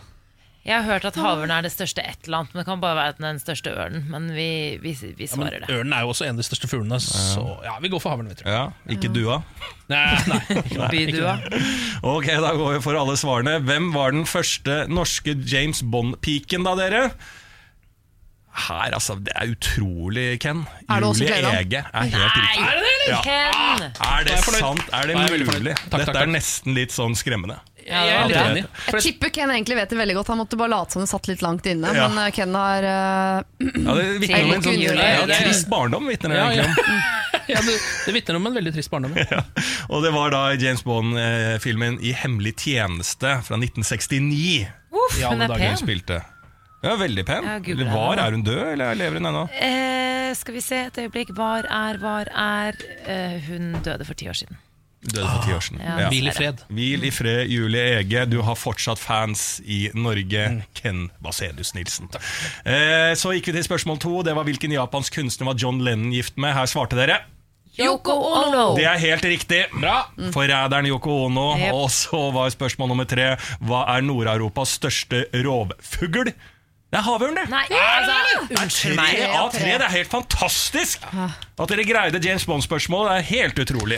Hvis Niklas Baarli kommer hjem eh, og har vunnet 71 grader nord, kan ikke du være litt imponert engang. Så sånn, Fuck deg, vi har vunnet quizen, liksom. Flere ganger. oppi flere ganger. Ja. Uten deg. Nå er vi altså i en eh, forrykende god form. Altså. Ja, dere er det. Eh, Lars, eh, veldig glad for at eh, du er til, til stede. Ja, det er veldig resultatavhengig hvor glade dere er i Ja, meg. ja, men det er sånn det er. Ja, mm. Um, så akkurat i dag er jeg veldig veldig glad i deg. Ja, takk. Ha det bra. Ha det. Morgen på Radio 1. Hverdager fra sex. Jeg eh, skal eh, stille dere overfor et moralsk dilemma, Ken og Samantha. Vanligvis så eh, sitter jo jeg her på søndager og prøver å gi folk råd, men innimellom så trenger jeg dem sjøl. Eh, fordi i går, da jeg forlot disse lokalene det er jo, Vi er jo helt nederst på Karl Johan, altså hovedhandlegata i Oslo sentrum. Og det er jo et strøk som tiltrekker seg byens løse fugler. Ja. Eh, så Man blir jo stilt overfor noen moralske dilemmaer nesten hver dag på vei hjem fra arbeidet her. Men i går var det litt ekstra fordi rett utenfor her så satt det en eh, mann som var helt tydelig narkoman. Eh, satt og eh, tigde etter penger, og ved siden av seg hadde han en eh, nydelig schæferlignende hund. Og det jeg syns jeg drar kjensel på i fjeset til denne mannen som sitter her, er altså en eh, gammel eh, eh, ikke venn, men en gammel bekjent fra da man vanket eh, på en trikkestasjon eh, nord i denne hovedstaden. Altså Jeg var mye på, i et område som heter Kjelsås som eh, ungdom. eh, Hvor vi bare hang rundt og vanka. Og der var det en fyr som hang rundt og vanka med oss i årevis. Som vi alltid, på han var med på fester og vi var sammen. Vi skjønte at han var en litt eh, eh, ensom type som kanskje ikke hadde det så lett. Uh, hadde falt ut av skolen. Ikke sant? Dere kjenner typen. Ganske sikker på at det var han som satt nederst i Karl Johan i går men hun Oi. og ba om penger. Uh, og da tenkte jeg sånn, ja sånn gikk det med han. Og da ble jeg stilt overfor det moralsk, for da hadde jeg lyst til å sette meg ned og spørre om det var han. Spørre uh, hva han heter og slå han en prat, på en måte. Eh, nå skal jeg bare si at jeg gjorde ikke det. Uh, fordi plutselig ble jeg litt ekstremt selvbevisst på sånn er det egentlig hyggelig, eller hva, får, får han noe ut av det? Eller gjør jeg dette her nå for å fluffe mitt eget sånt Ja. eh, Er det et sånn egosentrisk senter Altså Er det det jeg prøver å fluffe nå, liksom? Ja. Hvorfor skal jeg sette meg ned? Er det fordi jeg er nysgjerrig for å kunne fortelle? Er, eller er det omsorg? Eller, og jeg bare, også begynte å tenke sånn Ok, jeg vet ikke hva mine intensjoner her er. Selv om det kommer fra et nysgjerrighetsperspektiv med noe omsorg altså blanda. Eh, Men det jeg strandet på, var at jeg vet ikke om jeg gjør det, for jeg vet ikke om han ville ha satt pris på det. Nei, ikke sant? Og det er det jeg lurer på om dere kan hjelpe meg å oppklare. Ville han satt pris på at jeg gikk bort, satt meg ned, klappet hunden hans og spurte om det var han? Jeg ville jo tro at han ville satt pris på det. Det tror jeg også. Fordi altså, i hvert fall um, En ting jeg har fått vite om løse fugler, som det virker som det går igjen, er at de ofte sier at folk ser ikke på dem som mennesker. Det er akkurat som de bare er Altså at folk ser dem ikke. De blir usynlige når de sitter der ute i gata. Um, og det er, her er jo det motsatte av å være usynlig. Hvis du skjønner, er jo at noen kommer bort til deg og slår deg en prat, og i tillegg så er det en du kanskje kjenner fra før. Ja. Så jeg vil jo tenke at det egentlig liksom høres veldig hyggelig ut. Ja, jeg tenker at Uansett om man gjør det for egoistiske grunner eller ikke, så får jo alle noe ut av det, tenker jeg. Hvis du hadde gjort det. Jeg tror han driter i om du gjør det for egne Altså at du gjør det for å fremstille det Jeg vet ikke, være omsorgsfull. Men eh, det er veldig sånn typisk norsk tankegang. Mm. At man tenker samme som hvis det er noen som ligger og spreller på bakken, og så bare Å nei, han blir sikkert flau hvis jeg går bort og spør eh, hva som er galt. Ja. Jeg har mest sannsynlig et anfall og er døende. Men eh, altså, velger man da å ikke gå bort fordi man liksom ikke vil gjøre noen forlegen? Det er veldig sånn typisk norsk. Ja, og så lager Vi skal alltid legge så mange lag med ting oppå hverandre, og det sier jo bare om, sikkert mye om hvor bra vi har det, da, på et eller annet nivå. Ja. Men hvis uh, noen eller sånn, Det er jo veldig mange som heller liksom sånn På Facebook for eksempel, hvis noen legger ut noe sånn 'gi penger til dette veldedige formålet', så tenker jeg sånn åh, din dusj, nå skal du bruke den kapitalen der du, til å framstå som verdens råeste person. Ja. Ja, ja. Men så er det jo på et annet nivå, så er det jo bare sånn prøver liksom egentlig å få penger til et uh, veldedig formål. da Ja, uansett. Eh, Så det er, ja, men skjønner du Vi har jo endt opp med å legge lag på lag på lag, og til slutt så vet man jo ikke hva som er riktig eller galt lenger. Det er kanskje derfor man ender opp med å ikke ta valg og bare utsette alle valg. Sånn som i går, så valgte jeg sånn dette setter jeg på utsettingskontoen. Så kanskje neste gang jeg treffer denne personen, så kanskje jeg skal sette meg ned og spørre om det er han og hvordan det går osv. Jeg var så redd for Jeg tror også jeg er redd for han skulle si sånn Jeg husker deg, ja. ja at Du var et forferdelig menneske. ja nei, jeg fikk jo ikke, ikke sant? At han har hatt en forferdelig oppvekst, og så har vi bare vært rundt han ikke klart å plukke det opp. Liksom. Ja. Vi har jo tydeligvis det, da. Jeg, jeg syns du er omsorgsfull. Jeg, sier. jeg synes du, du følger magefølelsen, for jeg vet at du egentlig hadde tenkt å gå bort der, men så stoppet du deg selv. Jeg har lyst til å. Ditt indre Jeg, Ja. Ja, gjør det neste gang du ser han, så okay. stikk bort og sjekk, da. Ja, jeg skal gjøre det Da har du også svaret til all framtid på det spørsmålet. Ja. Istedenfor å gå og lure, sånn som du gjør nå. Ja. Um, nå står Sør-Korea overfor en pornoepidemi. Det mener de selv, da. Ja. Det er det de kaller det. Nå er det så mange folk som rigger offentlige toaletter med eh, skjulte kameraer, at de mener at det har blitt en epidemi. Oi, ja vel. Eh, de kaller det for en eh, pornoepidemi. Spionkameraporno, som de kaller det, er blitt helt massivt der borte. Um, og nå i forrige uke så var det altså en demonstrasjon med over 70 000 demonstranter som krevde at regjeringen må gjøre mer mot dette. Det er liksom et, det største problemet de har akkurat nå. Ja, fordi folk ligger sammen på offentlige toaletter der borte? Eller? Nei, nei, nei, absolutt ikke. Fordi eh, de tar da altså bilder av jenter som går på do, og så legger de det ut på internett. Det er det de gjør. Så det er liksom, de har eh, alle, alle, eller ikke alle toaletter, men veldig mange toaletter der borte er rigga med kameraer som du ikke vet at er der. Så det er en kikkerepidemi, da. Kikkerepidemi er akkurat det det er. Um, og eh, de har jo, altså, de, Det er jo noen tiltak de prøver å innføre. Det ene tiltaket har jo blitt innført for lenge siden. Det er jo det at alle kameratelefoner som man kjøper i Sør-Korea, og jeg tror også i Japan, de lager lyd når de tar bilde. Det er ikke lov å slå av lyden Nei. på Det kommer sånn knips når du tar et bilde, sånn at alle kan høre. Nå tok Ja. han bildet. Eh, og Hvis det kameraet da tilfeldigvis befinner deg oppi skjøttet ditt, så skjønner du hva som har skjedd. Ikke sant? Ja. Eh, sånn har vi det jo ikke her. Vi, tre vi trenger på en måte ikke det her i Norge, tenker vi da. Jo, jeg tror kanskje vi trenger det. Jeg tror, Ja, tror for jeg det? kom på en gang Jeg så Dorte Skappel på Deli de Luca en gang Da jeg var sånn 12 år eller noe Og så tok jeg et bilde Og så kom det sånn knipselyd Så ble jeg altså så flau For det var bare hun og meg i butikken Og så sto jeg liksom rett på siden av henne Så latet jeg liksom som jeg bare Ja, snakket i telefonen Og så bare ktsj. og, så, og jeg har ikke gjort det siden Når jeg har sett Ja. en kjendis Det tør jeg ikke mer Så jeg tror det der funker For det Ja. skammen er ganske Ja. Den lever jeg med Ja, ikke sant? Eh, Men det, de nå, det andre tiltaket de har eh, innført, er at alle renholdere av toaletter må nå daglig også bli eh, inspektører som skal sjekke om det er kameraer på toalettene.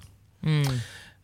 Det er på en måte dit, dit det har kommet, at sånn må det gjøres. Um, I fjor så ble det altså, var det over 5000 mennesker som ble arrestert for spionkamera-relaterte forbrytelser. Jeg forstår ikke fascinasjonen for å se mennesker eh, Nei. på do. Ja. Det er akkurat som Sognsvann-skandalen her i eh, Norge. Hva er det? Med han mannen som i årevis har stått på en stige nede i en utedo på et turområde utenfor Oslo for å se på jenter eh, sitte på do. Ja. Og han hadde gjort det, de har sjekka da, han har stått der i mange mange år, altså ikke sammenhengende, gått ut og inn og stått da nede i utedoen og sett på rumpene som uh, fylte hullet, inntil han en dag ikke klarte å dy seg lenger, måtte ta på. Nei! Så eh, tenk deg den skrekken det må være å sitte på en utedo, og så får du en hånd på rumpa. Altså, det, jeg, Ja, for det er det jeg er redd for. Jeg er ikke redd for utedo generelt. Jeg er ikke redd for å på en måte gå på en utedo, men det er nettopp derfor. Det er det jeg er redd for. og det skjer, Ja. Samantha. Frykten er reell. Ah, ja, Nei! den er vond. Morgen på Radio 1. Og nå er det på tide med spalten var litt dårlig knipsing. Det er reality check. Er det din egen eh, selvlagde jingle? Ja, Den kommer jeg på nå. Eh, Jeg gir den ternekast to. Jeg syns ikke den var Ja. så veldig bra. Jeg hadde Eh, funnet på noe nytt neste gang. Ja, du hadde det. ja. Jeg skal se om jeg, om jeg er kreativ nok. Ja. Eh, Men dette er altså en spalte eh, som handler om reality-TV. Eh, Nå har det seg jo sånn at eh, Siri og Samantha og Niklas, som vanligvis er her, alle dere har vært med på ulike reality-konsepter. Det har aldri jeg. Så nå skal vi prøve å finne et konsept som kunne passa til min personlighet og min kropp og min fysikk. Eh, og da går vi gjennom eh, konsept for konsept. Forrige gang så gikk vi gjennom 71 grader nord. Ja. Og Det er da en liten sjekkliste jeg har laget med ulike kriterier. Altså Jeg vil at det skal være ganske fysisk behagelig og psykisk behagelig. Litt eksotisk, ha bra premie, og at det skal være sannsynlig at man enten får ligge med noen eller finne kjærligheten. Ja. Eh, eh, Vennskap for livet er ikke Vennskap for livet bryr jeg meg ikke så mye om. Det kan jeg finne andre steder, tenker jeg. Okay. Uh, 71 grader nord gjorde det ganske dårlig. Eh, av de 50 poengene man kan få her, så fikk eh, 71 grader nord 11 poeng. Ja. Så det er nok ganske satt at det blir ikke det som blir mitt konsept. Nei. Eh, Nå i dag tenker jeg at vi skal gå gjennom et annet ganske aktuelt konsept, nemlig X on the Beach. er jo et britisk reality-konsept som sendes i tolv land, så vidt jeg har fått med meg. Men jeg har ikke sett på det selv, Oi. eh, så kanskje dere kan forklare hva det går ut på. Ja, det er vel egentlig det at eh, ti eh, unge, single deltakere de flytter inn i en mansion Ja. for å feste og hooke. Ja? Eller er egentlig kanskje ikke lov å si det ordet. Fader, jeg får det ikke til uansett. Ja, du vet, kline litt. Ja. Eh, og så en etter én så kommer da eksene deres inn og lager eh, kvelm. ja, ja, ikke sant. Det er, Folk kommer inn, folk blir sendt ut, og det er litt sånn det blir sendt ut hvis eh, det ikke skjer noe rundt din persona. Så kommer det nye oh, ja. folk inn her. De prøver hele tiden å piske opp stemningen. Lage enten drama eller eh, eh, altså elskov. La oss begynne med kategorien fysisk behagelig. Eh, hvor fysisk behagelig er det? Det høres jo ganske chill ut. Man er på en strand, eh, så man ligger der og slapper av. Da. Det er, det mye alkohol involvert òg, eller? Det er mye alkohol involvert. Det er, eh, altså det er litt sånn fare for sånn brakkesyke. Fordi du- er, man får faktisk ikke lov til å forlate villaen med mindre du får beskjed av paden, altså en iPad, om at du får lov til å dra på date eller på stranden og sånn. Ja, for det er en iPad som er programleder her. Nettopp. Det er ingen programleder, og, eh, så Nei. du slipper å forelske deg i Damli, Triana eller Tone Damli. Ja. Det er ganske monotont opplegg. Altså jeg skjønner Ja. brakkesjuke, for det er liksom, Du er enten inne i huset og drikker og fester, og hvis du blir sendt på date, så blir du bare sendt ned på stranda og får et teppe, og så får du mer alkohol, og der skal du sitte da og drikke. Så hvis du sliter med fyllesyke, så er det fysisk ganske krevende. Hvis ikke du sliter med det, så er det fysisk Ja. meget chill. Ja. For du må ikke bevege en eneste muskel, annet enn kanskje eh, bange litt med hodet til musikken, uh, rockefoten, Ja. eller ligging, da, som kan jo Ja. være slitsomt. Det er jo fra én til ti her. Jeg tenker at altså, Litt fyllesyke trekker ned, men åtter må jeg vel kunne gi her, tror jeg. Ja. Uh, Det, hø det høres egentlig veldig fysisk behagelig ut. Hva med psykisk behagelig? Altså, her har jeg et lite klipp som vi kan spille.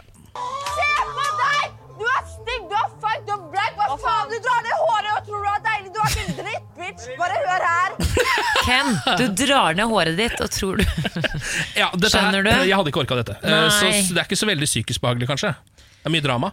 Og det kommer jo an på hva slags ekser du har, da. Ja.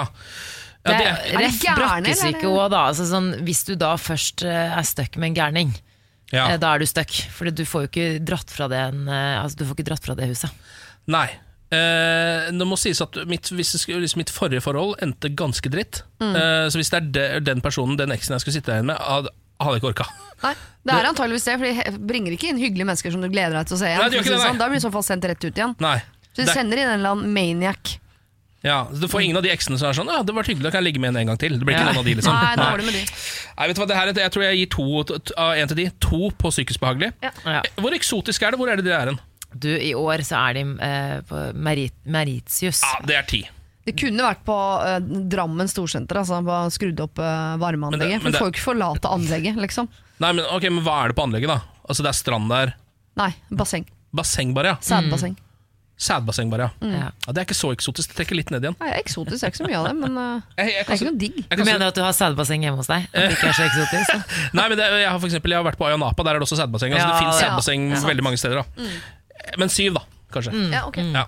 Hva, hva, hva med premien? Hva er premien? Er det noen premie? Nei, jeg tror ikke jeg har en prøve. Det er ikke noe Som Paradise Hotel for eksempel har jo pengepremie, men her er det ikke noe premie. Ingenting. Heder og ære for, Er å, for, å, Heter ære og klamydia er det eneste du får. for å ha holdt ut i sædbassenget. Vet du hva, He- Heder, ære og klamydia. Det er null, det syns jeg. Ja, det er null. Jeg gir null på det. Eh, ok, Hva er da sannsynligheten for å ligge eller finne kjærligheten? Fordi det er vel litt av konseptet her? er det ikke det? Ganske stor. Den er Eh, ganske stor. Vi tar et lite klipp her også. Jeg misunner faktisk Daniel litt nå. Det ligger fire kjerringer uten truse oppå pikken hennes. Hvor hen da? Inne på rommet vårt. Hæ, serr? Ja.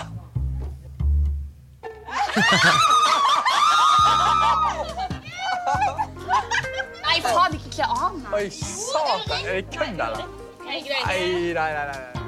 Så det ble jo litt eh, ja, suging og ja, diverse greier som skjedde. Og det som også skjer her, er når jentene får høre at det ligger fire jenter uten truse oppå pikken til Daniel, så er det ikke sånn at jentene sier sånn æsj! Det- blir stjerner i øynene deres, og fire jenter blir til fem eller seks. De andre løper inn. Ja. Så man kan si at uh, sannsynligheten for å ligge er ganske høy. Ja, to av de er uh, faktisk uh, kjærester i dag. Ja, De har blitt sammen også. Ja, så det, det, Jeg vil si at det er ganske stor sannsynlighet for både ligging og eh, kjæresteri. Ja, vet du hva, jeg, jeg føler at jeg hiver en tier på den. At det er maks på det For det er ikke så mange andre konsepter som, eh, som har mer sannsynlighet for sex enn denne. Får du ikke pult her, så er det vanskelig generelt i livet, tror jeg. Men er du der samtidig som Daniel, så kan det hende at han tar alle damene, og at alle, du bare må sitte og se på. Ja, for han har voldsomt drag på han. Han har voldsomt drag på damene. Ja. Damene elsker sånt. Ja, men For å oppsummere, um, så hvis jeg kjapt regner over nå, så lurer jeg på om det ble 27 av 50 poeng. Oi, nice. Uh, Det er en ganske bra score. Altså det er veldig mye bedre enn 71 grader nord. i hvert fall. Det er terningkast fire, det, vil jeg si. Jeg starter på søknaden din nå, ja, så kan vi bare vente, for du skal vel teste litt flere konsepter? Ja, jeg skal teste flere okay. konsepter også. Ja, skal begynne å gjøre litt research på eksene dine og sånn, tenkte jeg. Ja, ja, du kan Ja. gjøre det. Du kan begynne, på det, bare begynne så vidt på, på den søknaden. Du. Det leder jo til nå, så det er Ja. bare å kjøre i gang. Uh, Mer reality check om en uke. Da skal det hende jeg kanskje har funnet på en bedre jingle også. Vi får se. Morgen på Radio 1. Hverdager fra sex. Eh, vi sitter jo her, vi den vanlige morgengjengen. Altså meg, Ken, eh, Samantha og Siri. Men så har Pernille også kommet på jobb. God morgen. Yes, god morgen. Er det en god morgen? Det er faktisk en god morgen. I dag er jeg overraskende lykkelig. Så godt, da. Ja. Eh, Du har jo en litt spesiell oppgave i dette programmet, fordi du er den eneste som går ut av studio Mm. uh, underveis og hører litt sånn på hva folkets røst er der ute. Det stemmer. Um, og nå eh, var det jo i- noe vi tok opp i går, Siri, som, som du var litt opptatt av. Ja, for Nasjonalmuseet i uh, Rio det brant ned. Mm. Og altså, verdier til uante summer har antageligvis gått tapt. Ehm, så jeg eh, lurte på det man jo ofte liksom snakker om ellers. Sånn, hva hadde du reddet ut av ditt eget hus? Og da ikke av eh, kjøtt og blod, men av materielle goder. Ja. For det var, eh, jeg kan røpe såpass at det var mange som på en måte har eh, begynte med å si sånn Men jeg ville reddet ut hunden min, jeg ville reddet ut Ja. lillebrødrene mine. Altså Veldig mange begynte med dem bare for å på en måte Man vil ikke framstå materialistisk. Ja, ikke sant. Så nå, Men da Det klippa vi jo bort. Da får vi høre hva folk egentlig mener. Jeg tar med meg mobilen min. Telefon, I guess. Telefon. Telefonen min. PC-en min, kanskje? Pass og penger. Det dyreste jeg har i huset. Og det er Nei, det må være eh, smykker. Jeg tror jeg tar med meg bildene og kontantkort kontantkortet i alle fall. Eller kortet. Hun var veldig skjønn og varm. Hun var veldig sånn fint. fin. Pass og penger. er virker så sånn Det brenner hvis ikke til Syden! Det er sånn, det eneste du trenger på pakkelista er piller, pass og penger. Piller. Men de, folk er uh, merkelig nok Men Jeg tenker Mobilen er jo, no, den er jo sydd fast i hånda uansett. Ja, og ikke bare det, men altså, eh, veldig mange har jo clouden om dagen, så det går jo Ja. ikke ekte tapt. Nei. Og da kan man heller ta noe som f.eks. bamsen min, som kommer til å gå ekte tapt i en eventuell brann. Ja. Ja, men jeg synes det her sier jo noe om at uh, altså hvis huset ditt brenner, så er det egentlig altså sånn, Bortsett fra at huset ditt brenner, da, som jo er noe dritt, eh, så er det ikke så grise. For det er tydeligvis ingen som egentlig har så mye inni det huset som er av verdi som ikke kan erstattes. Nei, og det er egentlig litt fint å tenke på. Ja. Mm. Det Så som er skummelt er at Jeg leste en undersøkelse blant ungdom hvor de ble spurt hva er du mest redd for å miste. Eh, og Da kom nett på en god førsteplass, mobil på en god andreplass, så kom familien på tredje. Så det vil jo si at Hvis du hadde stilt de samme menneskene her spørsmålet hva redder du ut av et brennende hus, og det var lov å si eh, bror og bikkje og mor og far, så er det ikke sikkert at ikke mobil allikevel hadde trumfa. Altså. Så er det fortsatt modem. Det er det fortsatt det første du tar med ut derfra. Um, nå eh, tenkte jeg at vi skulle fokusere litt på hva som, eller hvem folk der ute i Norge har som sine helter. Mm. Altså sin største helt. Fordi em, Jeg har ikke fått med meg så mye av Skal vi danse, like, like mye som dere, men jeg vet at Aune Sand er med der. Ja, For han er en av mine største helt. helter. Han er en av mine største helter fordi han eh, kalte meg hel ved en gang. Ja. Eh, Da vi rusla rundt i Oslo, så sa han Ken, Du er hel ved, Ja, Han liker deg veldig Ja, godt. han liker meg veldig godt, eh, og siden så har jeg klamra meg til hans bryst. Men eh, Ken, for eh, meg som på en måte ligger litt under deg på IQ-skalaen, hva betyr hel ved? Nei, Det betyr jo at du bare det totale mennesket. Staut. Ja, staut. Staut, føler jeg. liksom. Du er Ja. perfekt. Ja. Ja. Men du, for ikke like Takk, Skal vi danse, så har vi her i studio en sånn diskokule som er plassert rett bak hodet ditt i en hylle. Ja. Kler deg altså sånn altfor godt. Ja, mener du det? Ja, virkelig. Så jeg jeg syns du burde disco, komme litt inn i paljettverden, fordi det der kler du. Jeg tror vi skal ta en runde på Skal vi danse i reality check ganske snart. Ja, det skal vi. Eh, Men der var Aune, og nå skal vi høre hva han sa. Det bildet dere lager i starten der, det må, jo, det må dere ha kjent på alle sammen. Ja, jeg har lyst til uh, Dette er familie, og i går så ble min kjære mor uh, rullet inn uh, på et sykehus. De beste legene i verden. Og det er jo eh, så fantastisk med dette samfunnet vi lever i. Som tar så godt vare på oss, og heltene i samfunnet, det er alle dere som jobber i helsevesenet. Så tusen hjertelig takk til dere. Aune, vet du, han er helt ved, han også. Eh, Han sier at de største heltene i det norske samfunnet er de som jobber i helsevesenet. Men er folk enig i det? Hvem er, hvem er Norges største helt, lurer jeg på? Ja, ikke sant? Det gleder jeg meg til å spørre om. Og det som er, jeg, Både jeg og Samantha satt nesten og lo når vi hørte klippet. Og det er ikke fordi at mammaen til Aune Sand det må Jeg må ha en disclaimer på det først. Det er ikke fordi mammaen til Aune Sand ligger på sykehus. Det er fordi Aune Sand hver gang han prater, så begynner jeg å le. Ja. ja. men ja, det, Her hadde han på en måte sånn lucid eh, øyeblikk. Han, han var liksom så til stede. Det var jo kjempefint. Det er bare, Du vet aldri hva som kommer.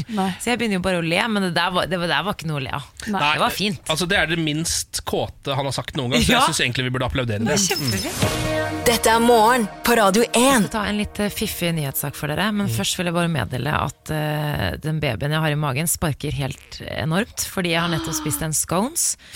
Uh, og det vil si at det er, eh, han reagerer eh, på sukker. Eller jeg mener at han reagerer på sukker, så nå hopper han eh, i magen min. Men det er fest i magen, så det er Ja, er positivt. Scones er positivt. Helt party. Kan jeg kjenne?